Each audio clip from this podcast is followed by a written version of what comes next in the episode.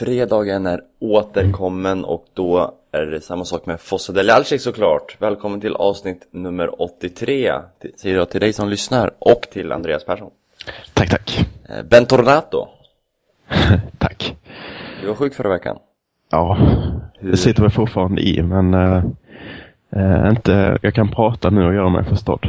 Du berättade innan att du var grötig i halsen och då undrar du kanske alla hur låter en grötig skåning? Mm. Inte alls kanske. Nej, helt enkelt. Men du lyssnade förra veckan ändå va? Ja, självklart. Skötte sig Robin som vice mascarpone? Ja, han, eh, vi har ju ofta samma liknande åsikter och eh, han är också rätt så bra på att tveka lite emellan och det blir en del M och så. Precis som jag gör så att eh, eh, det märktes nästan inte att jag var borta. Nej, nej.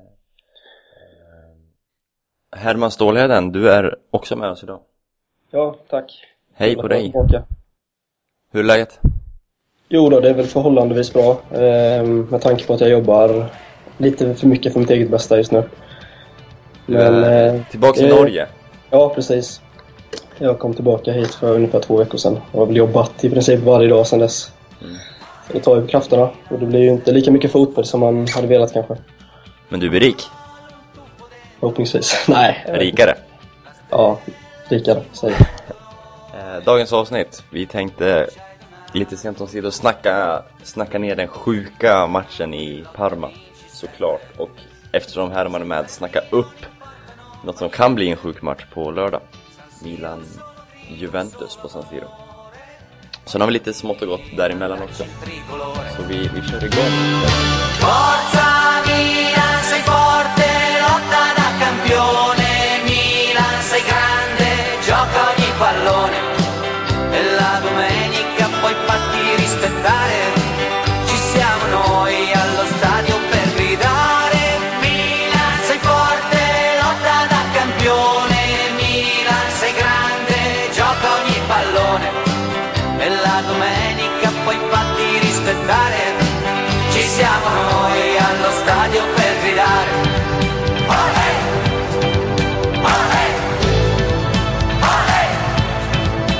Forza Milan. Sempre più forte. Parma-Milan 4-5 Andreas Persson.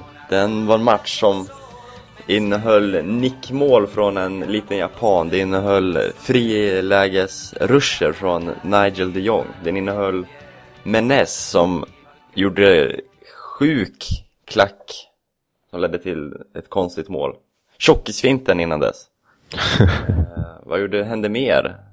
Deras Felipe gjorde mål, han gör aldrig mål Ja. det var två felaktigt, eller ett felaktigt rött kort i alla fall. Och en Bonera som åker ut också. Vad hade den här, vad hade inte den här matchen? Nej, det, det är väl ingenting annat. Uh, nej, helt osannolikt naturligtvis. Speciellt första halvlek ska man och analysera den blir liksom, det går inte. Eh, första halvlek är väl uh, Eh, så är jag väldigt positivt på. Liksom då eh, såg man ett eh, Milan som eh, i alla fall jag verkligen älskade att se på med mycket rörlighet, mycket eh, kämpar, glöd och så vidare som man har sett så även i första matchen. Eh, när man kanske fick, jag fick känslan innan matchen att eh, eh, trots att vi gjorde många mål på Lazio så har vi nu ett eh, mittfält med eh, Polly de Jong Montari. Vi har eh, offensivt Honda Menes eh, som falsk nia eh, och eh, Bonaventura på andra sidan.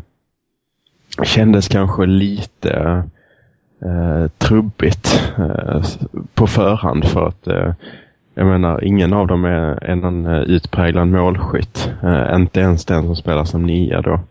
Eh, Ness, utan eh, det var ju samma manskap med Lazio med undantag av El Shaarawy. Och El Shaarawy är ett målskytt som är lite mer spetsig och går framåt. Liksom. Men eh, eh, det fick man ju äta upp rätt så snabbt. det såg ju väldigt eh, bra ut. Ehm, med eh, framförallt Menes eller Fenomenes som, eh, som du säger. Mm. Nej, det är fantastiskt första halvlek. Sen andra halvlek. Eh, ja. Präglas väl lite av utvisningarna kanske. Jo, absolut. Och eh, eh, flera osannolika eh, händelser som bara sker eh, på varandra. Det man kan säga förresten om första halvlek också var ju att eh, Eh, vi, var, vi var oroliga första avsnittet. Det ser bra ut mot Lazio, men hur många lag ska bjuda upp till dans på samma sätt som eh, Lazio gjorde? Parma kanske jag i alla fall utifrån att ha sett dem många, många gånger förra säsongen förväntar sig att de ska bjuda eh, upp till match. I synnerhet på Tardini. De spelade väldigt öppet förra säsongen. Nu såg jag inte deras första match den här säsongen men att förlora mot ett på pappret asdåligt eh, Cesena känns ju inte jätteimponerande.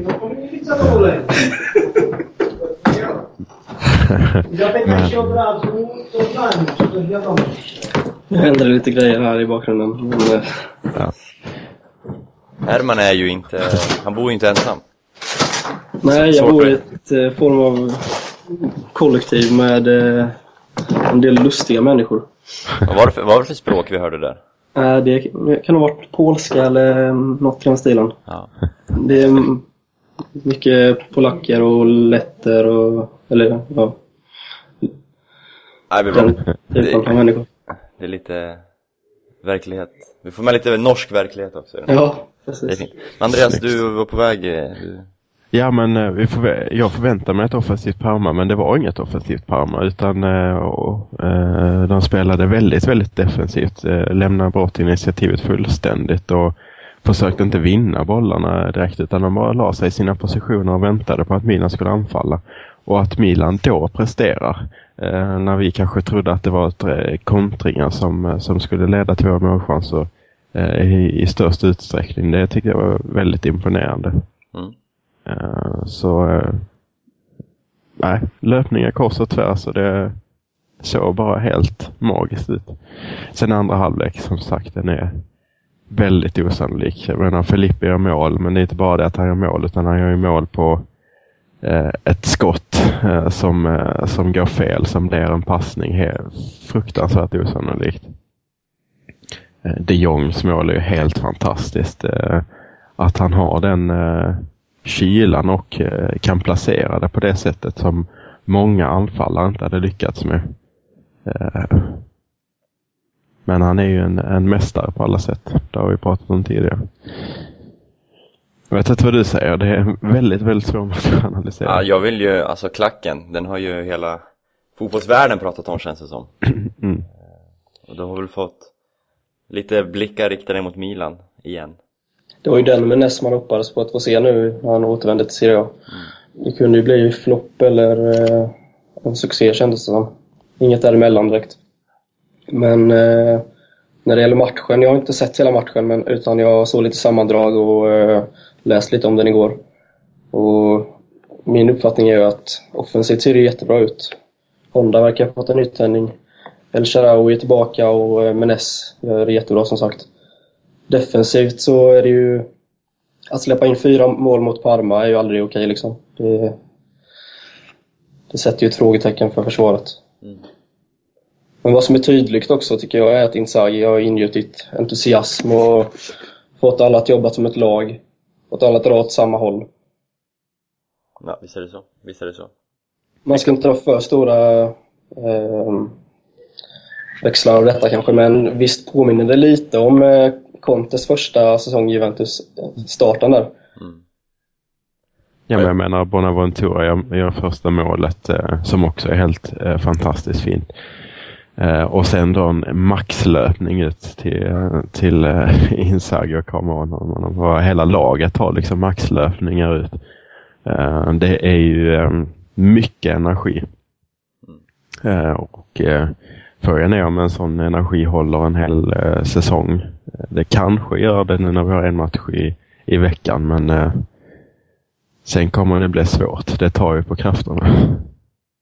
Ja, man får nog lugna ner sina målfiranden lite. Ja, vet Men bara det med målfiranden, eh, där ser man ju också att det är en helt annan eh, atmosfär i Milan just nu. Alla firar tillsammans. Även bänken firar i målen tillsammans med spelarna ute på plan. Mm. Och alla verkar ha bättre självförtroende än förra säsongen. Och jag tror Inzaghi är stor anledningen till det. Jag har ju själv eh, dragit jämförelser med Contes inledning på Juventus-eran också. Eh, men som sagt, man ska väl vara lite lugn kanske. Ja, precis. Det har gått två matcher bara, som sagt. Men visst, det finns så otroligt mycket likheter. Måste jag säga. Eh, ett mål vi inte har nämnt, det är ju det, det sista och kanske mest absurda målet i den här extremt absurda matchen. Det är ju De Chilio som skrivs upp på ett självmål. Dessvärre, för hon, hans del. Men det är ju Diego Lopez som klantar till det och blir skadad på kuppen. Vad, vad ska man säga? Är det, något, är det något att säga om våra stjärnor? Alltså det, det är ju fullständigt osannolikt eh, att eh, Menes gör det målet som han gör och så, så är matchen spikad men så, så är det fem minuter kvar. Eh, om man får det baklänges på sig och eh, att, eh, att Diego Lopez i samma moment då sträcker sig och är skadad då. Vi har slut på byten liksom, vilket eh, gjorde matchen eh, att matchen levde ännu en gång. Det är ju sjukt. Ehm, men eh, vi som har vant oss lite vid Abiatis personer, att han, eh, han fejkar skador för, för att dölja en, en misstag han gör. Det verkar ju inte vara så i Diego Lopez fall utan han ska ju vara borta ett tag nu. En bra fejkning i så fall. ja. Så, nej det är som sagt ett, ett sjukt mål avslutar den sjuka matchen. De där sju tilläggsminuterna var ju lite jobbiga måste jag säga. Absolut. Det var, det var en puls, jag tror inte min puls har ändrats så mycket under en match. Så fort det blev, vi ledde med två mål så, så lugnade jag ner mig helt. Då var det klart, varenda gång för mig. Sen kommer ett mål, en reducering, en kvittering i, eller de kanske aldrig kvitterar, jo, 1-1 kvitterar de. Men, ja, så fort reduceringen kommer, så ökar pulsen igen. Mm. Och det är naturligtvis en svaghet också även om matchen var sjuk. Alltså man måste ju kunna det är ju någonting som Inzaghi måste jobba på om man ska säga någonting eh, negativt naturligtvis. Försvarsspelet i sig. Eh, Där dyker ju målen upp på väldigt märkliga sätt allihopa egentligen. Eh, Det är ju en markeringsmiss av eh, Bonera. Eller två då med Filippes mål, men jag tycker inte att den är så... Det är sådana omständigheter kring det målet så man kan ändå förlåta det. Men, men, Men jag vet inte, var det Bonera Casanos- var det Bonera på Casanos nick? Jag tyckte Montari var där, Del Chilio var där. Frågan är vems gubbe det är i det läget. Ja. Han kanske är Bonera. Eh, svårt. Skulle kanske haft en, en, en fotbollsspelare med och berätta hur man Ja. markerar i det läget. Jag kan ju tycka att en mittback borde ha där att göra. Det är liksom mitt i straffområdet. Jo, Eh, Sen så kan ju omständigheter göra annat, men eh, ja. Nej, det, eh, det skulle vi haft en spelare till. men Bonera, han gör, han gör ingen bra match. Minst, milt sagt. Det är Eh, nej. katastrofalt rent ut sagt. Eh, Ja, du har ju en teori där. eh, ja, den har Och jag inte dragit. Tassotti-teorin tänker jag på, utan eh, Det är att han är på plan för att vara kapten. ja, precis. Som förra avsnittet hette till och med tror jag. Ja, just det. Ehm, Ja. Nej, det, det är svårt att förklara varför han spelar egentligen. Eh, faktiskt, för nu ser han så pass svag ut. Vi har ju eh, försvarat honom eh, eh, flera gånger om. Dobra, tak robimy. Okej. Kommer på lackerna igen. Nu får vi lite besök igen här. Bonera, han har försvarats. Men eh, det är svårt att försvara honom nu tycker jag. Att det, det, det finns en Zapata som jag tycker borde vara så självskriven i det försvaret. Så det är jättemärkligt. Han, Bonera måste väl vara ett självskrivet femte val i den här truppen om du frågar mig. Mm. Rami, Zapata, eh, Alex och Mexes tycker jag alla måste gå före. Mextes har ju, eh, det känns ju som ett statement mot honom. Han var inte med i, eh, på bänken senast. Och jag kan absolut abonnera framför Mexes om man tar in aspekten att Mexes har, är bäst betald i hela truppen. Han eh, behöver ju lämna. Han behöver inse att han inte har i truppen att göra. Men kvalitetsmässigt går han före Bonera. Ja. Eh, Sen har vi Sacardo där bakom, han har vi redan diskuterat rätt mycket i den här podcasten. Ska vi låta Bonera, Bonera avsluta? Han kommer ju saknas, eller han kommer inte saknas nu mot Juventus. Nej, verkligen inte. Alex kommer att göra det däremot. Som också sträckte sig i samma moment. Mm. Så, uh, men vi kan ta, kan ta det, det pratet sen. Det tycker jag. Det finns ju mycket annat att nämna. Milan, Milan corre va, più nessuno ti fermerà. Milan, Milan, mondo intero può conquistar. Man kan nämna faktumet att Champions League-finalen 2016 har tilldelats Milano och San Siro. Det är en kul nyhet tycker jag. Mm. Kanske Timingen inte... är väldigt tveksam. uh, I och med att det kommer vara svårt för uh, båda uh, Milano-klubbarna att ta sig till Champions League. Uh, så det är väl tveksamt om det kommer att spelas Champions League-fotboll överhuvudtaget på San Siro innan den här finalen. Nej, det är ett stort frågetecken. Men det är långt från omöjligt. Jag ser ändå både, både faktiskt Milan och Inter som eh, stora utmanare till den här tredje platsen eh, bakom Juventus och eh, Roma. För jag är inte ett dugg imponerad av Napoli. Det var jag inte innan säsongen och jag har inte ändrat mig efter den här inledningen precis. Fiorentina har tappat Rossi igen tyvärr. Jättetråkigt men det är ju bra för Milan. Babacar är ju inte riktigt samma spelare. Så att eh, jag ser ändå eh, möjligheterna rätt så stora. Sen hoppas jag naturligtvis att det är vi som står där, inte inte. Eh, så det är långt från omöjligt. Att det ska spela Champions League-spel. Så att du menar väl inte att det ska spela Champions League-final med ett Milano-lag? Nej, det känns väl eh, rätt så rätt så långt ifrån verkligheten eh, just nu. Men eh, det kanske kommer in en supersatsning när man inser detta faktum. Kanske.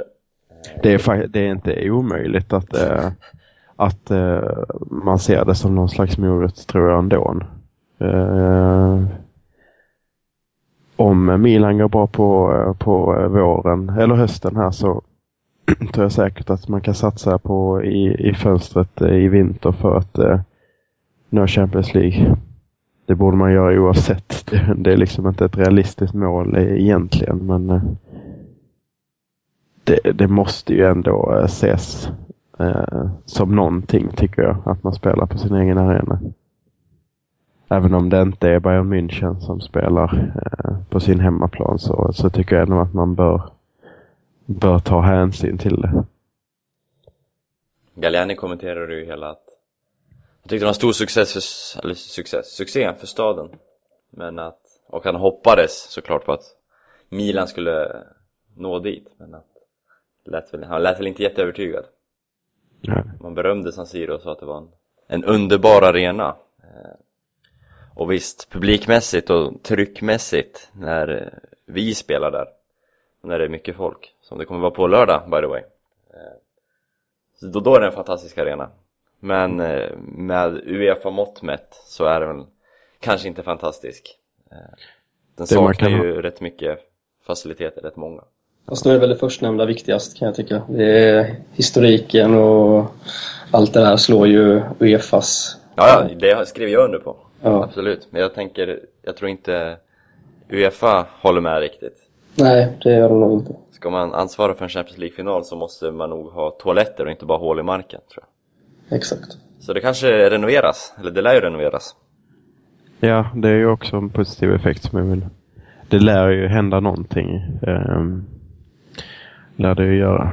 Men äh, jag, jag ser fram emot det. Det kan säkert bli bra tryck på den äh, i den finalen om om man delar ut så mycket biljetter som man har gjort vid vissa tillfällen att det blir ordentliga kurvor så blir det nu riktigt bra. Häftigt att se två, an, två icke-Milan-Inter i en final ha varsin kurva syd och nord. Mm. Det skulle vara lite Tänk dig typ Dortmund eller något. Mm. Hoppas att de inte möter något spanskt lag, för de har ju inte den kurvan riktigt. Klacken. Milan-Dortmund, tycker jag. Milan-Dortmund. Låter som en, som en deal. Mm. Det vore jobbigt dock om det är Juventus som får komma dit och ta en hel sida. Håller du med Herman? Nej, inte direkt. jag hade gärna sett Juventus i en Champions League-final. Tror du det är möjligt inom två år? Möjligt är det väl alltid. Man såg ju Atletico Madrid förra året som... Ja, de har väl inte jättemycket större resurser än Juventus egentligen. Så det går ju, men eh, samtidigt så finns det ju ett gäng lag som är några snäpp bättre. Det är ju, vi pratar om Bayern München, Real Madrid, Chelsea, Barcelona och så vidare som har en helt annan ekonomi. Helt andra förutsättningar. Mm. mm. Vi får se. Eh, Champions League-final 2016, Milano. Det är mycket, mycket vänt i den, i den staden de här senaste åren. Det var ju det här Expo va? Eh, Som är stort, det är ju en stor, stor grej. Mm. Ja, ja det var kanske just det jag tänkte på, skitsamma. Kan ta bort det.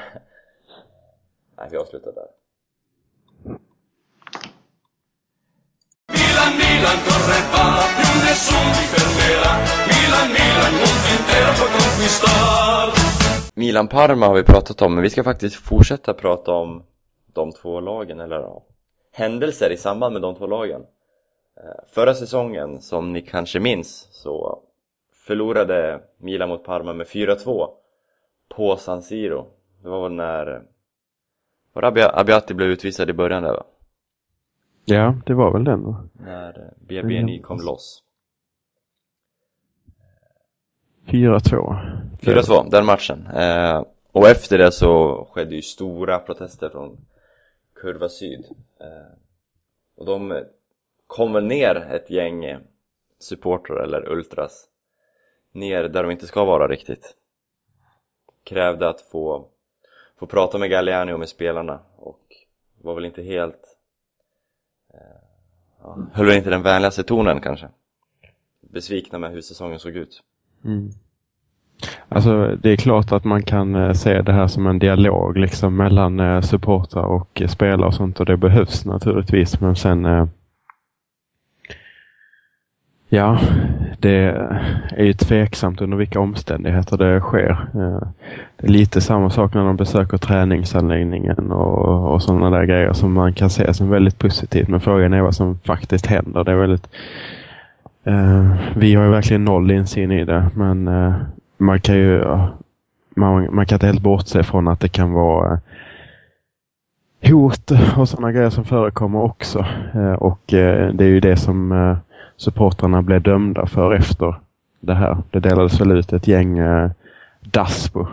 35, eller över 35 till och med. Daspo är ju som sagt Det är avstängningar, det var väl det typ Suarez fick kan man. Snabbt översätta det till Ja, att han inte får vistas på eh, arenorna. Precis Då varken som spelare, eller som spelare, eh, Suarez då Men fansen de, ja, de får inte gå och kolla på fotboll i, på något vis. Hemma, borta, mindre lag får de inte heller gå på. Tror jag väl där eh, Olaga hot, anstiftan till mord bland annat. Är de dömda för. Men nu eh, så skriver Il Giorno att, eh, att Milan, eh, att de har, det är Luca Lucci heter han va? Capo Ultra i Milan. Som leder det där, han, eh, han har eh, skrivit brev till, eh, till spelarna, det var och bett dem, bett dem återberätta hur de upplevde den dagen helt enkelt. Och de har gjort det. Och det är ett antal spelare som skrev under det där. Balotelli, Abate, Bonera, Kaká, de Jong, Pazzo bland annat. Som har skrivit att de inte alls kände sig hotade och att de inte hörde vad som skreks när de anlände till arenan och efter matchen kände de sig inte hotade, bla bla bla och det är ju frågan om det kan lindra det här Daspo-straffen Mm. Det är en rätt det- intressant story. Och det är mycket möjligt att det kan vara så också. Men eh, man kan inte heller eh, helt utesluta att det inte är så. Utan att de faktiskt säger att de inte är hotade under hot mer eller mindre. Liksom att eh, Den här Luca Lucci till exempel är ju ingen eh, snäll kille. Man har många inblandningar i ja, det är kokain och det är allt möjligt. Liksom. Och han har setts eh, bland annat om vi, om vi eh, ska prata om Juventus så har vi en incident 2008 när en Juventino blev brutalt misshandlad av Milan Ultras eh, på arenan. Eh, där då eh, Luca Lucci var med också. Eh, Och eh, supportern sen när polis kommer fram till honom och frågar vad är det som har hänt. Så bara, nej, det har inte hänt något. Jag ramlade i trappan. säger han. Eh, det är ju eh, mycket våld och det är mycket eh, om, om att Det är mycket tystnad som, som eh, rör sig i, eh, kring den här Luca Lucci bland annat. Då. Vilket gör att man inte helt kan utesluta det i det här fallet heller.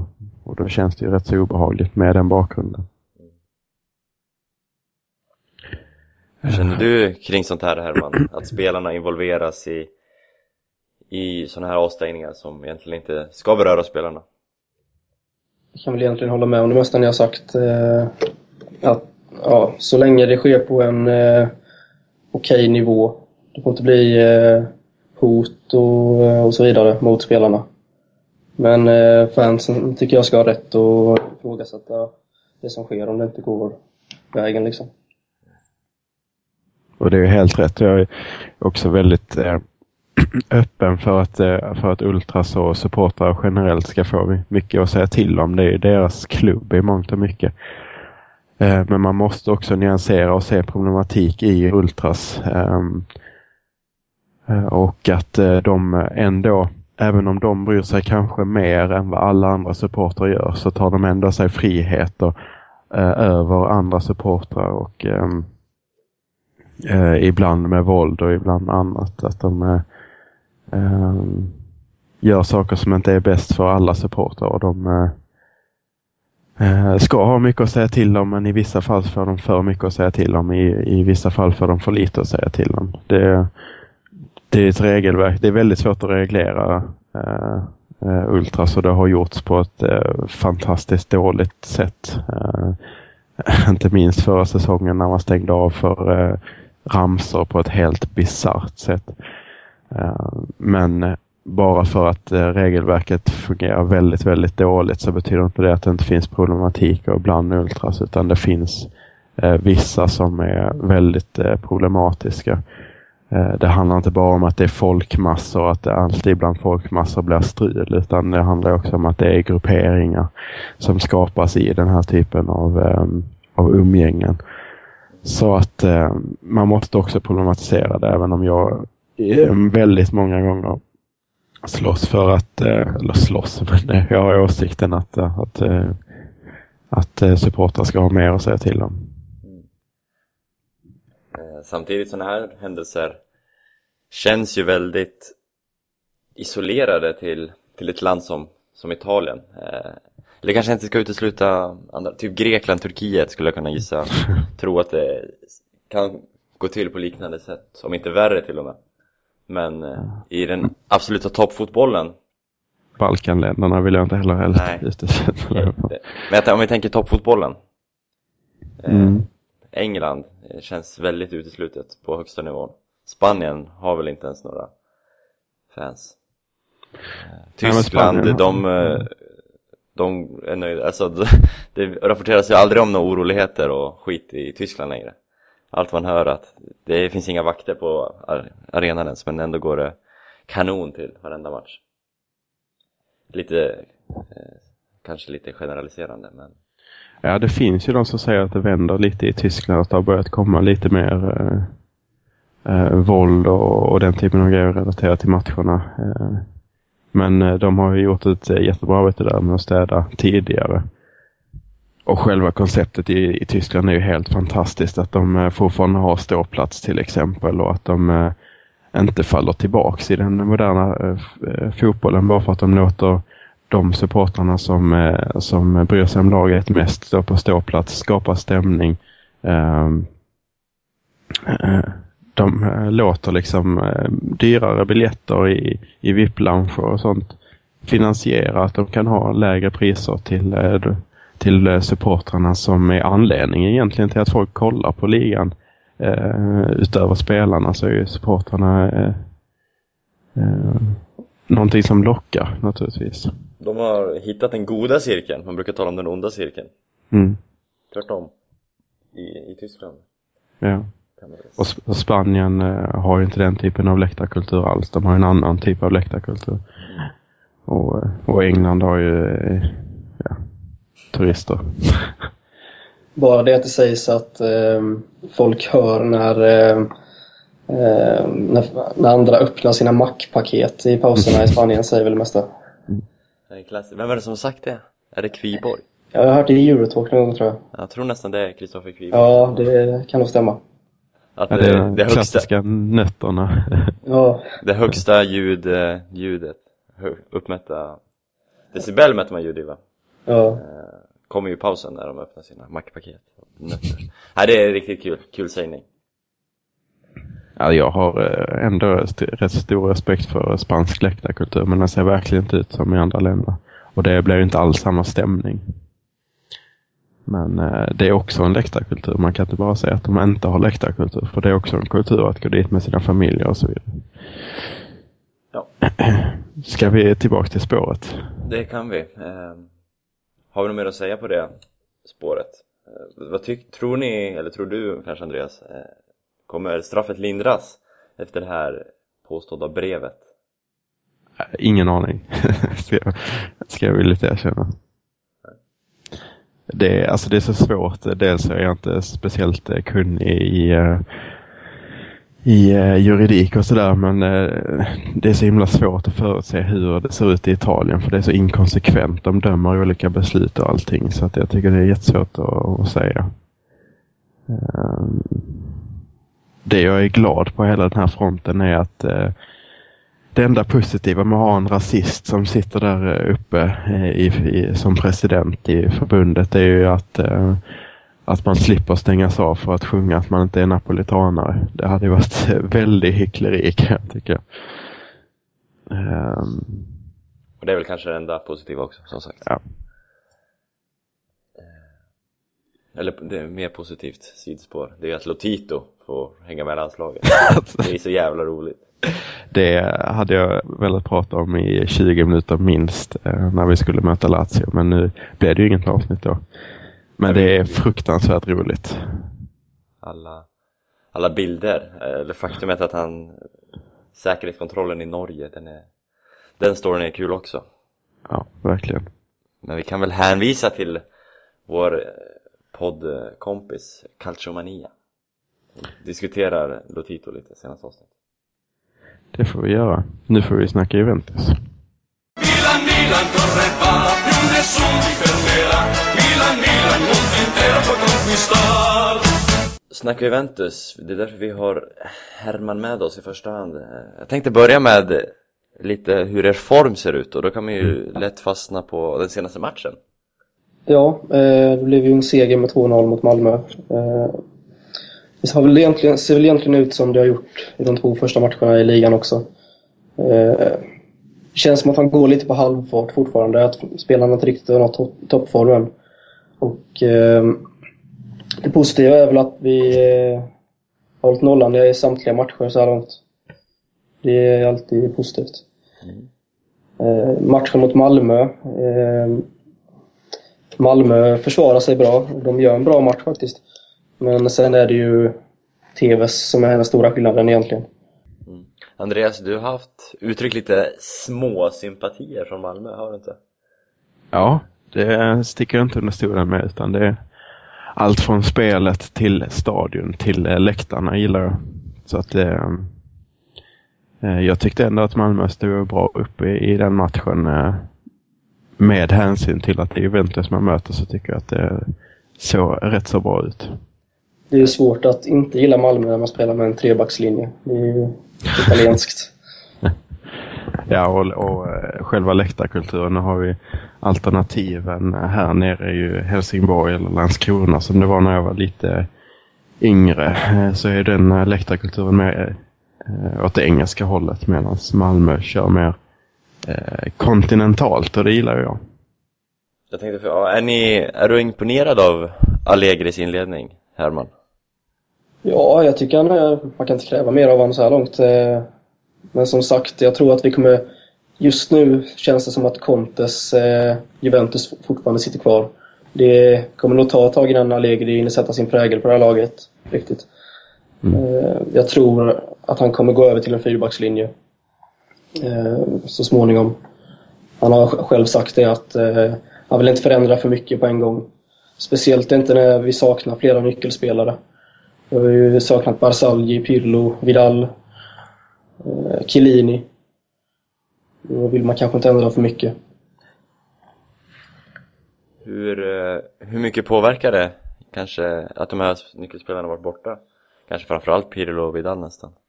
Ja, när det gäller Pirlo och Vidal så är det en annan, eh, så är det skillnad mot förra året. Den här, inför den här säsongen har vi fått in flera förstärkningar till mittfältet. Eh, Romulo, eh, Pereira, Patrice Bra.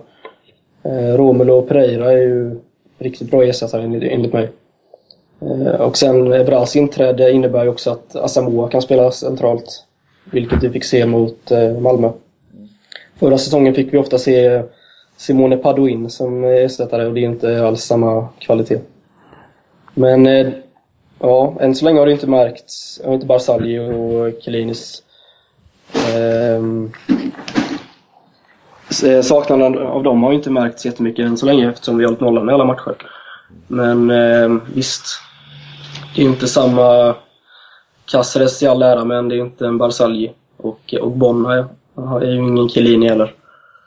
Jag tänkte säga det, är inte Caceres, har inte han varit, av det jag sett, jag såg eh, första matchen mot Kiev och delar av Udinese och hela Malmö, så jag har sett mycket Juventus i år. Ja, Eh, Jag tycker Caceres har varit en av de bästa i laget ändå. Det, det, jag, ska, jag var lite på hård där kanske. Men Caceres har varit väldigt bra faktiskt.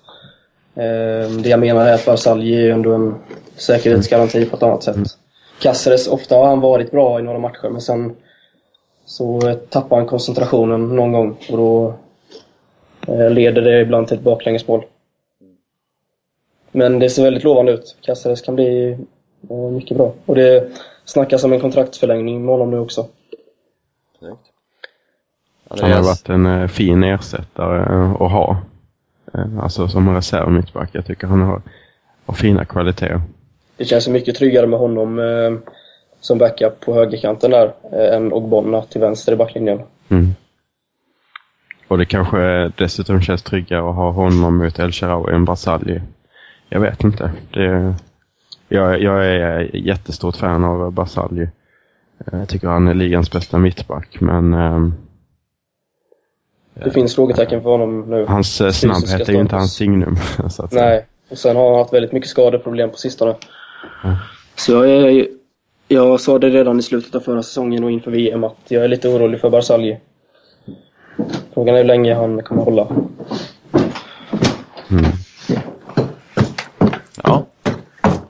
Men eh, mittfältet, det blir... Eh, Vidal är borta den här matchen också, eller? Eh, det senaste jag läste var på Gazzetta dello Sport att eh, Pereira är favorit till att ersätta honom. Eh, det står att det är 70% chans att eh, Pereira startar och eh, 30% att Vidal startar. Ja, det är de siffrorna jag har framför mig också.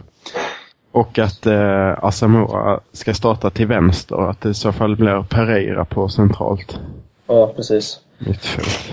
Jag tycker det känns ganska klokt. Eh, Pereira tycker jag är ett jättefint nyförvärv.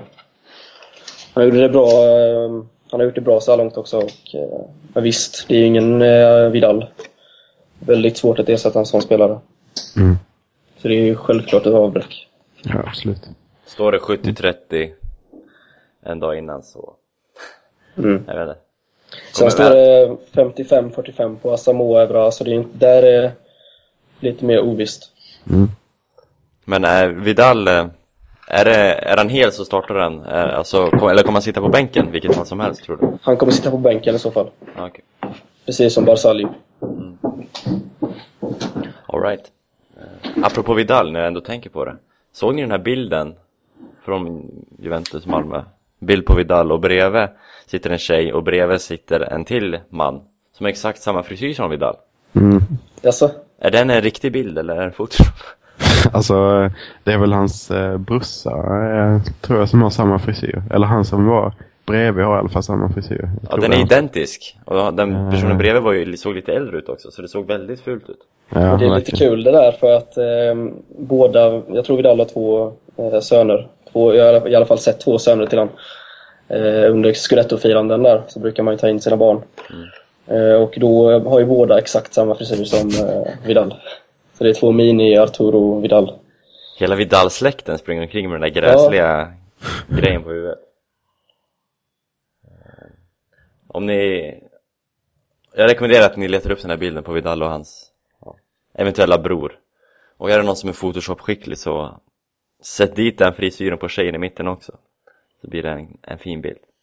Jag har sett en sån version också. Men den såg för jävligt ut. Ja. Ja. Okej, då behöver vi inte, då behöver ni inte göra det. Men eh, när det gäller Allegri så tror jag att eh, som sagt att det kommer bli kommer förändras så småningom. Sakta men säkert kommer han vilja sätta sin prägel på laget.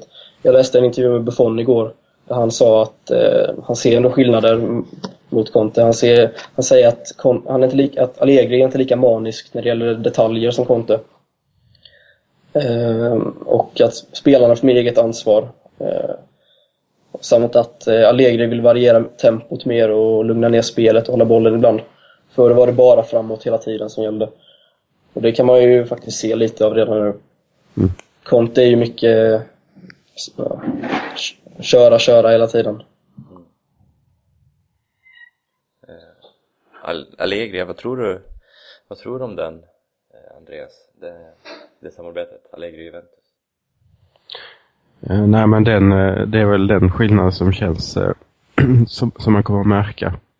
Det lär ju inte vara så att han kör en 4-3-1-2 i, i, ehm, eller 4-3-3 i Juventus utan han kommer fortsätta på, på det som har varit framgångsrikt i, i spelformationsmässigt. Men det finns ju andra aspekter och då känns det som det här med att eh, han är betydligt lugnare än Conte och har ett um, en annan filosofi att variera tempo och så vidare. Att det kommer kanske lyckas i Europa ändå. Det är ett mer internationellt sätt. Uh, Känns det som, även om eh, det finns energitränare som har gått till final i, Champions League förra säsongen så, så känns det som ett sätt att kommer lyckas i, Champions League lite bättre.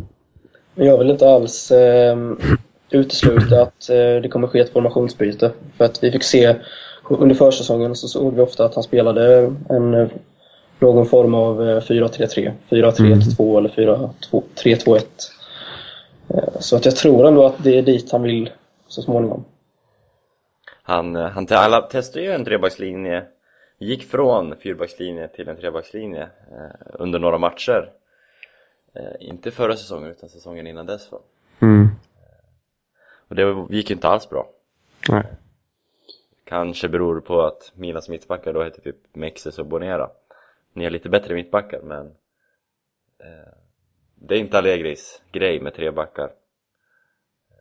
Det är ju fyra fyrbackslinje och den här trean på mittfältet som jag diskuterat så många gånger.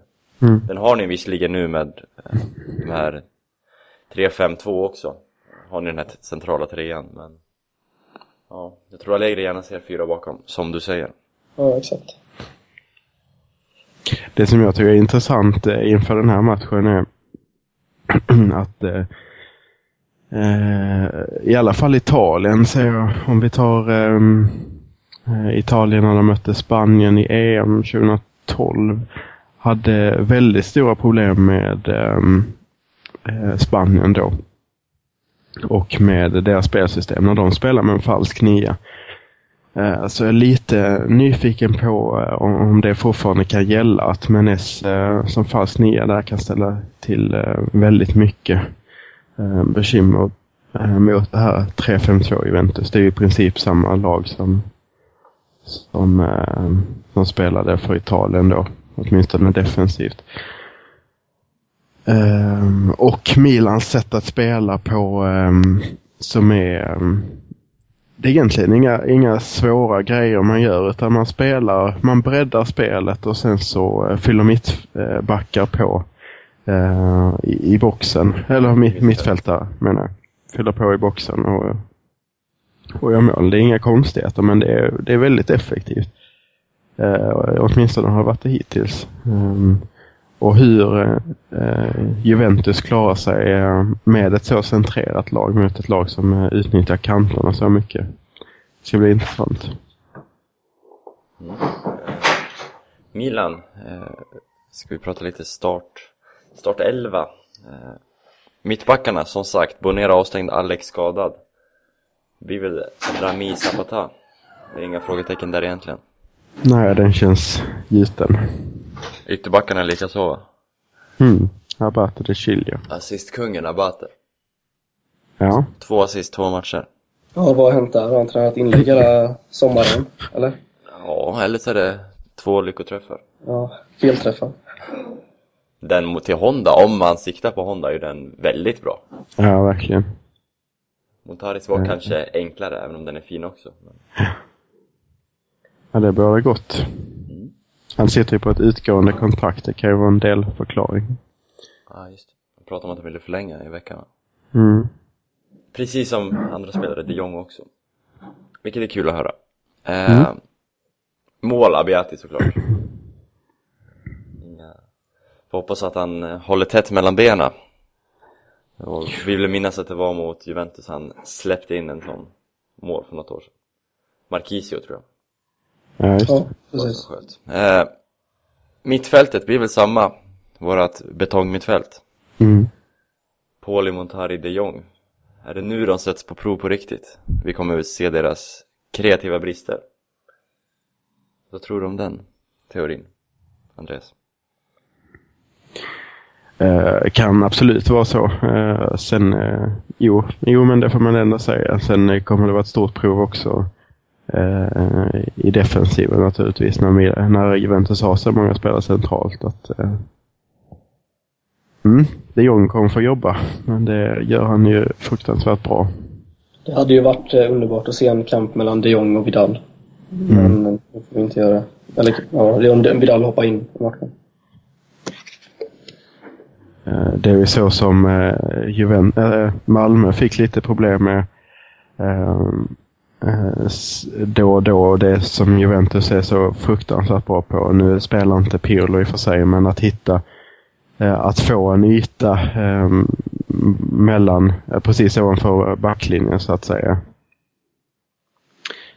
Där är de ju oerhört giftiga. Hittar instick framförallt till Lichstein och andra som fyller på.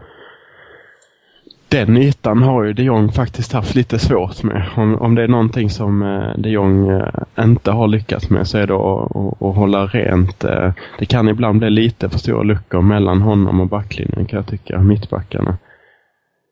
Eh, så därför får han jobba ordentligt eh, mot Juventus.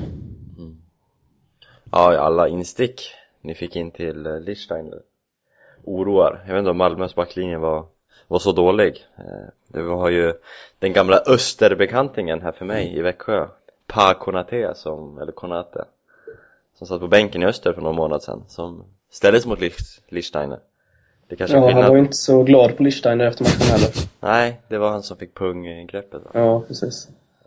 Det kanske är... eh, Hoppas att Chilio är lite bättre än Pa Konate. Det kan vi nog vänta oss. Mm. Inget ont mot Paconate. Men Chilio är ju en klass bättre. Minst en klass. Och Lichsteiner var... Ja, det- han gör ju, ställer sig inte högre i kurs hos mig i alla fall. Nej. Det är Du- en sån spelare som är älskad av fansen och inte lika älskad av motståndarfansen. Du förstår varför ingen gillar honom som inte håller på Juventus. Det, det gör jag. Det är en sån gris alltså. Minns ni för några år sedan när, han, eh, när Juventus mötte Roma? Och jag tror det blev 4-0. Eh, Då visade ju Lichsteiner upp det här loser-tecknet eh, mot Lamela. Ja, just det. Och fyra fingrar också. Som för 4-0 då. Den känns ju lite mellanstadiet att årskurs fyra ska möta årskurs fem på baksidan av skolgården. Ja, precis. Men det är ju en vinnarskalle. Han är ju en riktig tjurskalle. Visst är det så.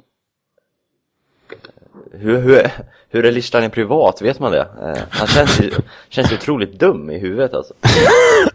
Men eh, ja, det är, man kan ju... Chiellini är ju lite samma typ av spelare på planen. Ja. Lite det där svinet. Men han säger de ju att han är jätteintelligent och ut, alltså väldigt smart eh, utanför planen. Ja. Så kanske är Lichsteiner något liknande. Ja, jag, Chiellini, okej. Men Lichsteiner, nej, det finns inte en chans. Alltså Lichsteiner, han sitter hemma och spelar tecken, tror jag. Tecken på så här Playstation 2, Playstation 1. Och typ skriker åt TV och gör loser-tecken när han vinner. Och, Och andas aldrig med näsan. nej, alltid med öppen mun. Nej, en hemsk spelare. Ja.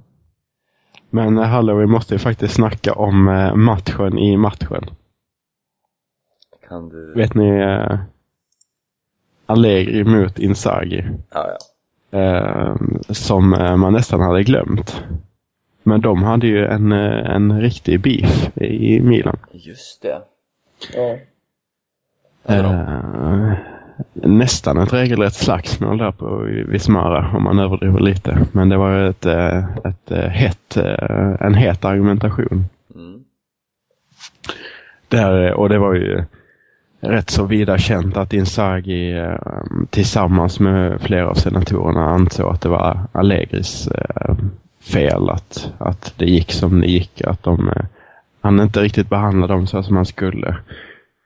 Inzaghi letar ju efter ett rekord i Europa bland annat, ehm, men eh, fick aldrig chansen. Han blev inte uttagen i truppen av Allegri och, och så vidare. Um, så där, El- Elda på mötet lite. Extra. det tycker jag absolut. En annan Han, eh, sak... Ja, ursäkta. Nej, bara i den argumentationen så, så sa ju eh, sägs det ju att, att, att eh, Inzaghi sa att han, han skulle ta hans jobb och han skulle göra det bättre. Och sen fick de ju sitta på den här presskonferensen tillsammans och så, så väldigt eh, tryckt, stäm, en tryckt stämning där de skulle förklara att det inte var någonting som hände och, och ehm, det var bara, bara ett, ett litet snack liksom eh, som, som eh, inte var så länge. Och, eh, Allegri hade ju sitt klassiska leende där som inte Bonaventura-leendet. som inte, inte såg så äkta ut. Om man ska uttrycka sig så. Det är ju värt att notera också att eh, Nicola Rizzoli ska döma matchen. Eh, 2012, när Juventus mötte Milan. Mm. Eh, Så var det ju ett ganska tveksamt domslut där. Mm. När eh, Isla eh, tog med handen, men ändå inte. eh, det var inte hans. Och eh, Robinho avgjorde matchen på straff. Just ja. På San Siro va? Ja, precis. Ja, det kanske var Rizzoli. Jag vill ju, eller jag vill ju inte, men tyvärr så minns jag ju en annan domarinsats på San Siro mellan lagen. Jag tänker på eh, Montaris mål där, eller? Ja, dessvärre. Ja. Men eh, visst, Rizzoli. Alltså det känns ju lite så. Spelar det någon roll vilken domare man får i de här stormatcherna? Det känns ju som, det finns alltid någon historik med någon domare för något av lagen. Det är ju så. Tycker jag det är alltid lika intressant också. Så jag vet inte. Jag har slutat lägga så stor värdering i vilken, vem det är som dömer. Ja, bara man inte får Rocky di Firenze, för det är ju eh, en uh, vidrig domare på alla sätt. Hoppas att Rizzoli håller sin VM-klass. Jag fattar inte att de kan, italienska domare kan vara så bra ute i Europa, men oftast inte lika bra inhemskt. Märkligt. Eh, sist i den här podcasten, eh, näst sist kanske, jag har en, en till grej där sen. Men 80 000 på San Siro väntas, eller fullsatt i alla fall. Vad nu det är, 78 kanske det är nu för tiden. Det, det var ett tag sedan. Verkligen och eh, jag hade väldigt gärna gjort dem sällskap om jag inte hade blivit sjuk. Så hade jag planer på att sticka ner. Känner mig ändå rätt så hoppfull inför det här. Eh, man vill ju ändå känna på, ta temperaturen på Inzagis eh, energi. Mm. Eh, temperaturen på en energi då. får man väl ha någon, någon Newton med. Ja, det är eh, inte viktigt. Men eh, och eh, att man känner att Allegri har börjat i Juventus har inte kanske riktigt, även om de inte har sett dåliga ut, så har de inte satt på riktigt prov. Ehm, det känns ju som att det är lättare att möta Allegris eh, Juventus här i öppningen av hans tid där än att möta eh, Contes Juventus. Så jag känner mig rätt så hoppfull och jag hade jättegärna sett den här matchen på plats. Ja, det är bara, bara att skriva under. Men eh, ni som ska åka ner, grattis. Eh, ha så kul. Kan man väl bara säga. Och ja. Eh, något mer om matchen? Någon sista grej om matchen? Kanske kan ta upp Juventus eh, förmodade startelva lite snabbt bara. Absolut, dra den. Ehm, Det är ju Buffon i mål då, Caceres, Bonucci, Chiellini. eh, Som bildar en trebackslinje. Eh, Ett fem, fem manna mittfält med Lichsteiner till höger. Pereira, Marquisi och Pogba centralt och Asamoah till vänster. Och sen Llorente och Tevez på topp. Ganska väntat alltså. Noterbart är ju att Chiellini är tillbaka från avstängning. Han missade de två första ligamatcherna. Men var tillbaka, han spelade nu mot eh, Malmö. Champions League. Ja. Eh, det är vad som förmodas vänta Milan då. Ja, precis. Bra. Det känns ganska som en ganska förmodad startelva. Hur känner du Herman? Är du, tror du på se- eller tror på seger, men vad, vad känner du resultatmässigt? Du behöver inte säga några siffror, men hur känns det? Ja, jag är gans... Det känns ganska ovisst faktiskt tycker jag. Eh, Milan har inlett bra och Juve har inlett stabilt men det finns ju fortfarande mer att ta av där. Eh, ja, jag tycker det känns öppet. Jag tror på mycket mål faktiskt. Ja, med det här dagens Milan så. Ja. Och en del avbräck defensivt för Juventus. Och man har inte riktigt satts på prov ännu. Så det är väl eh, nu man gör det första gången. Skulle ni rekommendera överspel? Ni är bättre. Ja, jag har faktiskt spelat över spelet redan så jag tror på det. Jag ska bara kolla vad oddsen ligger på. De ligger rätt så... Ganska. Ja, det är fa- favorit på under faktiskt. Ja, Okej. Jag Ja, jag- spelade för ett par dagar sedan. ja. ja jag... ehm, inte för att jag vill jinxa, men jag ser ändå Juventus uh, ligger som rätt så tunga favoriter på... eh, på... Um, ligger som favoriter rätt så tydligt i den här matchen och det vet jag inte om jag riktigt håller med om. Eh, så ja. ja, vi får se. Oddsen är ju i, i princip 60-40 eh, till Juventus fördel på eh, bortaplan. Jag vet inte. Mm, mm, mm. Så jag tittar nu mer åt Milan-hållet än över. Men jag har inte bestämt mig. Det är ju verkligen en match man hade velat se. Jag missar ju tyvärr den på grund av jobb nu. Det känns ju allt annat än bra. Det får bli eh, en klassisk repris i efterhand nu. Det blir, blir så nu här i Norge. Det blir eh, mest repriser. Du får be polackerna spela in matchen åt. Ja, precis. Innan vi avslutar den här, eh, det här avsnittet Andreas, eh, för två veckor sedan så la du en cliffhanger? Kanske är väldigt inaktuell nu. Men eh, vi kanske har någon lyssnare som eh, undrar vad, vad fan pratar du om för två veckor sedan? Ja, den, är, den har ju... Eh, ja, men jag kan ändå tycka att den här osten skulle jag då eh, tagit eh, på försäsongen innan, eh, innan fönstret var avslutat och eh, vi hade ett väldigt fokus på att värva nyttor mittfält, eller nyttor till vårt system. Eh,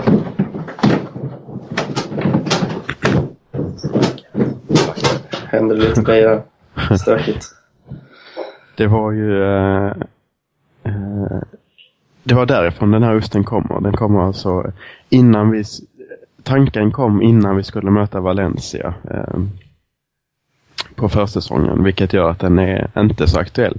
Men samtidigt så har jag fått lite rätt i den så att eh, jag tycker ändå man kan, eh, kan framhäva den. För att det, eh, det är nog inte alla som är säkra på att, att det stämmer men eh, det, det är min åsikt i, i situationen. och veckans ost alltså är, är tofu. Eh, japansk ost som, eh, som eh, inte är gjord på mejeri. De, de gör, sysslar inte med sånt utan på soj, sojabönor. Eh, och eh, är det någonting eh, japanskt så är det ju Honda det handlar om i, i Milan. Och det handlar om eh, Hondas på positionen som högerytter. Eh, han eh, har ju en vänsterfot som det var det som var aktuellt då på marknaden. Ehm, men han är ju en sojaböna. Han är ju ingen, ingen, eh, inget mejeri. Utan han eh, är mer, om man ska fortsätta på, på liknelser, så är han ju mer som en eh, samuraj från, från Japan som skär passningar genom försvaret. Och ingen, ingen motorcykel som de också sysslar med där på, på den ön. Han, han flyger ju inte fram och tillbaks i, som eh, Menes eller El Shaarawy, men jag tycker ändå att han kan passa på den positionen. Och ehm, Uh, nu, nu har han ju spelat på den här positionen. Han har gjort fyra mål på fyra matcher. Uh, det blir ju inte samma, samma sätt som, att- som att ha en eh, kantspringare som, uh, som har fart. Men jag tycker ändå att någonstans måste man peta in Honda i en startelva för att han har de kvaliteterna och han har um, um, ett, en taktisk eh, skolning också. Han har eh, en medvetenhet på planen, han har en spelintelligens, han har, eh, han har också en hög arbetsmoral som, som verkligen behövs i Insagis lag. Så att, jag tycker verkligen att han ska spela från start. Och, ehm, mm, han, han, ser, han ser ut att kunna klara av den där ytterpositionen. Det blir en ganska bra balans som du säger när Menesso eller Sharawi är mer framåt, snabba spelare. Och Pog, äh, jag säger, Honda kan eh, spela fram bollarna istället. Mm. Lite olika spelartyper offensivt. Mm, precis, och, och liksom, jag var lite orolig för Bonaventura som är, inte heller har en speedkula utan har, har också liknande kvaliteter på andra sidan eh, mot Parma. Eh, att det inte skulle vara så lyckat, att det inte skulle finnas den spetsen. Men det, det klarar sig väldigt bra. Det också. Så att, eh, nej, jag tycker att det bådar gott. Sen eh, eh, kan det ju mycket väl vara så att vi, eh, vi kommer luta oss mot ett 4-2-3-1 i, i fortsättningen av säsongen. Och då ska han naturligtvis spela centralt för det är där han gör sig absolut bäst. Ehm, Men ehm, i det här formationen så tycker jag att han ska, han ska ha någon plats och då kan han spela på sin kant där uppe. Det blir alltså låtsasosten eh, och låtsasytten, den liknelsen som får avsluta Fossa del Alci avsnitt 83 Herman Ståleden, tack så mycket för medverkan Tack själv, tack själv. eh, Får slänga med ett litet lycka till till morgondagen Ja, tack detsamma. Så får du, får du hälsa dina vänner i Norge Det ska jag göra. Mina polacker här. Det är fint eh, Andreas, krya på dig, jag skickade ett krya på dig till Herman också som var lite rasslig Tack. Eh, Andreas, vi, vi hörs som vanligt om en vecka om du inte har gröt i halsen. Mer än vanligt. Absolut. Och ja, Forza Milan, ciao! Ciao. Ciao.